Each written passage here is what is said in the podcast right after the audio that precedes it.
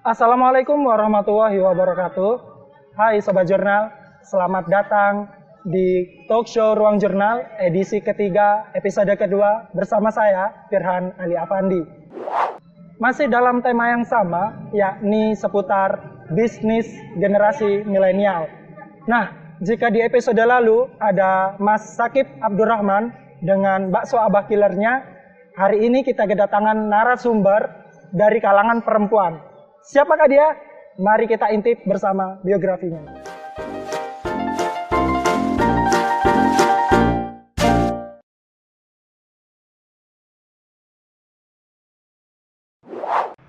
Ya baik, sobat jurnal. Hari ini sudah ada di samping saya sudah ada narasumber kita.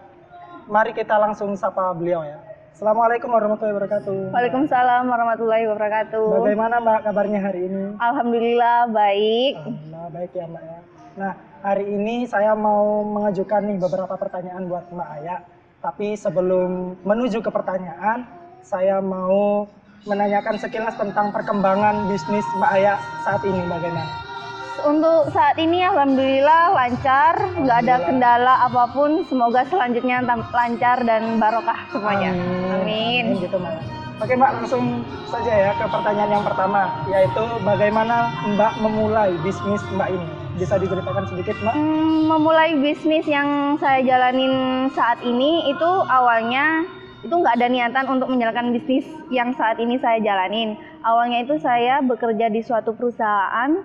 Restoran yang bagian event. Nah setelah itu saya keluar ada salah satu ini customer customer ya yang ngubungin saya untuk mengadakan acara yang kedua kalinya itu acaranya di rumah. Nah sedangkan saya kan sudah nggak bekerja di restoran. Oh gitu. Ya. Nah, nggak apa-apa Mbak Aya, nggak apa-apa. Meskipun nggak kerja di restoran lagi, saya mintanya acaranya di rumah. Yang penting MC sama dekor sama souvenirnya dari Mbak Aya. Oh, Nah, memulai dari situlah ini bisnis itu ada dari Bermula mulut gitu, ya, bermula dari mulut ke mulut orang banyak yang suka kayak gitu. Oh, jadi awal pemasarannya itu dari antar mulut ke mulut Ah, orang ya, iya. bukan dari Mbak Aya sendiri yang Bukan. memasarkan lewat medsos Ah. gitu. Bukan. Bukan. Awalnya ya kok bagus dekornya, souvenirnya cantik. Dari mana? Nah, itu awalnya dari situ. Dari Oh, mamanya gitu. customer itu. Jadi setelah berkembang dari mulut ke mulut, itu bagaimana Mbak lalu trik Mbak untuk memasarkan lebih luas lagi tentang produk Untuk Mbak? nah, mulai dari mulut ke mulut itu muncul kayak di mensos gitu. Kita promosinya melalui IG. IG. Oh, terus di- IG resminya. Ada, terus di Facebook, Di Facebook terus juga. habis gitu di kayak kartu nama Oh, kayak gitu nama. di brosur-brosur juga itu untuk pemasarannya. di Ini Apa, kalau setiap- kita mau ke mana gitu pasti Ya.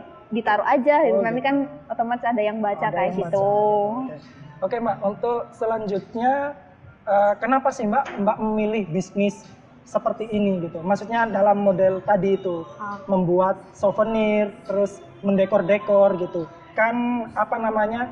Eh, se- sekarang kan sudah berkembang tuh bisnis modern-modern. Kenapa Mbak kok nggak tertarik ke bisnis yang modern itu aja gitu? Ini mungkin dari hati ya. Oh dari hati ya.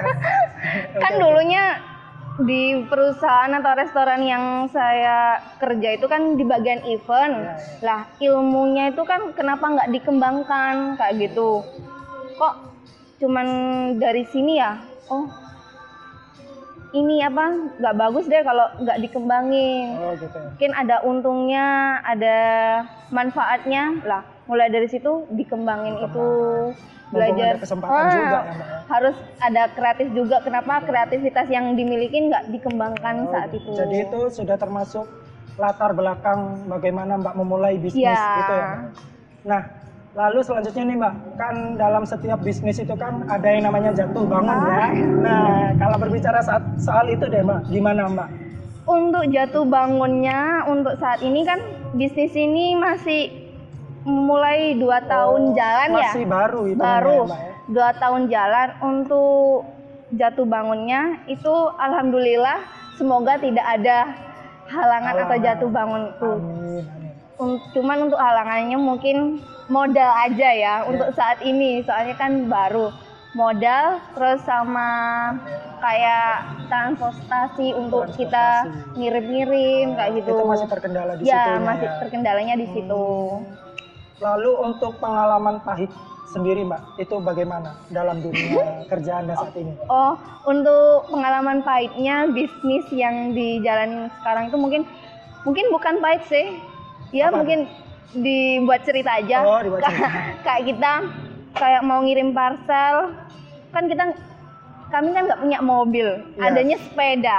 Iya. Nah, otomatis kan itu kita ngirimnya itu numpuk-numpuk kayak gitu. Ada yang di Oh. depan, di belakang kayak gitu untuk ngirim Untuk ngirim barang. Mm-mm, gitu. souvenirnya gitu. Terus kayak dekor gitu kan, ada meja, ada kursi juga. Kita ya bawanya pakai sepeda motor Sepeda itu. motor juga. Iya. Oh, itu tentu perjuangan Mm-mm, keras sekali. kerasnya itu, Kerasnya pahitnya kayak gitu. Mungkin nggak pahit sih, mungkin buat pengalaman itu yang buat harus lebih semangat lagi kayak gitu. Ya, harus ya. Iya. Saya mau tanya tentang ini. Bagaimana latar belakang keluarganya Mbak? Apakah di sebelum Mbak, sebelum Mbak itu keluarga Mbak itu apakah ada yang sudah memulai bisnis terlebih dahulu atau baru Mbak yang pertama kali memulai bisnis di keluarga Mbak? Hah? Kita untuk memulai bisnis itu di keluarga saya itu mungkin nggak berbisnis sih, berjualan. Oh berjualan ya? ya, kayak ber- Berdagang ah, istilahnya. berdagang istilahnya. Itu ibu saya Oh, ibu. berdagang sampai sekarang sih. Sampai sekarang. Berdagang kayak jualan bakso di rumah, berjualan kayak gorengan, terus rujak kayak gitu, makanan kuliner kayak gitu. Nah untuk selanjutnya nih Mbak, eh, apa motivasi Mbak buat membangun apa bisnis ini? Motivasi untuk membangun bisnis ini adalah mungkin orang tua ya, ibu. Oh. Soalnya kita biaya cari sendiri kayak Cari gitu. sendiri. Soalnya nggak ada orang tua cowok. Oh gitu. Nah, itu motivasinya itu berbisnis saya melihat dari ibu saya Ya. yang begitu semangatnya berjualan, yang ya. eh, yang kadang nggak laku, yang kadang kehujanan. Nah, itu motivasi saya untuk semangat terus berbisnis seperti saat ini. Oke gitu. Jadi yang menjadi apa eh, semangat utama Mbak buat memulai bisnis Ah. itu ibu ya. Ibu acuan, soalnya kita kan nggak ada orang tua cowok, Oh, gitu. jadi untuk saudara semuanya itu kita mencari biaya Mencari sendiri, sendiri. kayak gitu. Mbak itu berapa saudara? Ada lima saudara. Dan semuanya juga berbisnis. Enggak, ada yang jadi Oh, guru, gitu. ada ya pebisnis juga, saya pebisnis, ada yang buka bengkel kayak gitu. Eh, selanjutnya nih apa sih Mbak? Saya pengen tahu barangnya hasil dari Oh, untuk souvenir kebetulan ini lagi bawa lagi ya. bawa Nah, ya. ya seperti apa di nih Mungkin ada sobat yang jurnal di rumah mau- lucu bentuknya buket, mungkin yang mau wisuda atau bentar lagi ini ada bisnis apa? Kayak gini snacknya, snack parcelnya seperti ini. Jadi snack parcel tapi Ah. berbentuk buket, buket. sobat jurnal. Ada lagi yang seperti Ada lagi ini. apa nih, Mbak? Nah, yang seperti tas jinjing seperti ini. Ya. Wow, cantik Nah. sekali ya sobat jurnal. Ini. Untuk harganya sih mungkin terjangkau sih buat Terjangkau sekali ya. kalangan ini. Nggak terlalu mahal, nggak terlalu murah dan nggak murahan. Oh, Lalu kalau saya boleh tahu Mbak di antara dua dua bentuk Hah? souvenir ini biasanya mana ya Mbak yang paling laku gitu? Yang Yang ini. paling sering dicari orang. Yang Oh, ini, soalnya bentuknya lucu. Nggak ini sih, apa? Enggak apa ya monoton gitu-gitu Iya. aja Mbak ya bisa berkembang. Ah, cuman ya ini beda snacknya kalau sama yang di tas ini. Kalau lakunya sih banyaknya yang seperti Yang ini. seperti ini. Biasanya pasti pemesannya dari kalangan wisuda-wisuda, Ah, terus kayak ada mahasiswa-mahasiswa gitu. Anak kecil kan sekarang anak kecil apa TK-TK kan wisuda Iya, juga. juga. Nah, pakainya Oh, ini Gitu. sekarang. gitu. Kalau yang ini biasanya lebih ke acara ulang tahun ya. Oh iya, kalau yang ini ulang tahun kayak gitu acaranya lebih praktis. Bisa Hmm. dijinjing seperti ini. Nah kalau boleh tahu nih Mbak, bagaimana sih Mbak cara menyusunnya supaya bisa jadi cantik seperti ini? Ini nyusunnya sih gampang. Dijadikan Hmm. Kalau ini, satu iya. pakai solasi Pakai yang solasi. putih. tinggal ininya kalau yang masukkan ke plastik yang sesuai sama ukurannya Nah, terus kayak gitu dipres pakai ini pita pitanya pakai ini lem bakar itu yang lem tembak Iya, iya. tinggal ditempelin aja sama yang pakai pita serut kayak gitu jadi tinggal Gampang buat saja ya. nah ini sobat jurnal, kalau bagi anda-anda nih yang mau membuat atau mempunyai sebuah acara, boleh nih ini pakai souvenirnya seperti seperti ini gitu, Nah. biar ini kan sudah souvenir yang modern sekali, nggak ketinggalan zaman dan nggak monoton seperti yang Ah. zaman dulu-dulu gitu mbak ya, cocok buat kalangan milenial khususnya gitu. Nah, selain ini terus mbak gimana? selain souvenir kan juga ada dekorasi Oh, ada juga dekorasi juga. kayak Nah, gitu itu- di dekorasi apa mbak? Itu untuk acara apa biasanya mbak? ada dekorasi balon Oh, ada balon. dekorasi paper flower terus habis itu ada dekorasi bunga-bunga hidup atau bunga Bunga mati, mati. kayak gitu. Oh, gitu. Itu untuk acara pernikahan biasanya mbak? Acara pernikahan, acara akad nikah, terus acara juga. ulang tahun, terus acara lamaran atau acara turun tanah juga bisa. Oh gitu. Jadi su- sudah mulai lengkap mbak ya, mel- Ya, menyeluruh di seluruh Menyeluruh acara-acara di ya? acaranya. Iya. Oke. Eh, untuk selanjutnya nih mbak, bagaimana eh, seberapa penting, maksud saya seberapa penting relasi bagi mbak buat membangun bisnis? Kalau relasi itu penting banget. Kalau ya seperti ini ya. Kalau zaman dulu itu Ya. banyak anak banyak, Banyak rezeki. anak, banyak rezeki, Kalau itu sekarang slogan ya. eh, kalau sekarang itu banyak relasi banyak, Banyak rezeki, rezeki. pula Oh, gitu. Soalnya Oke. kan promosi itu dari mulut ke mulut, Ke itu mulut. harus bis- penting gitu. Ya. Nggak harus mensos atau media sosial juga kayak gitu.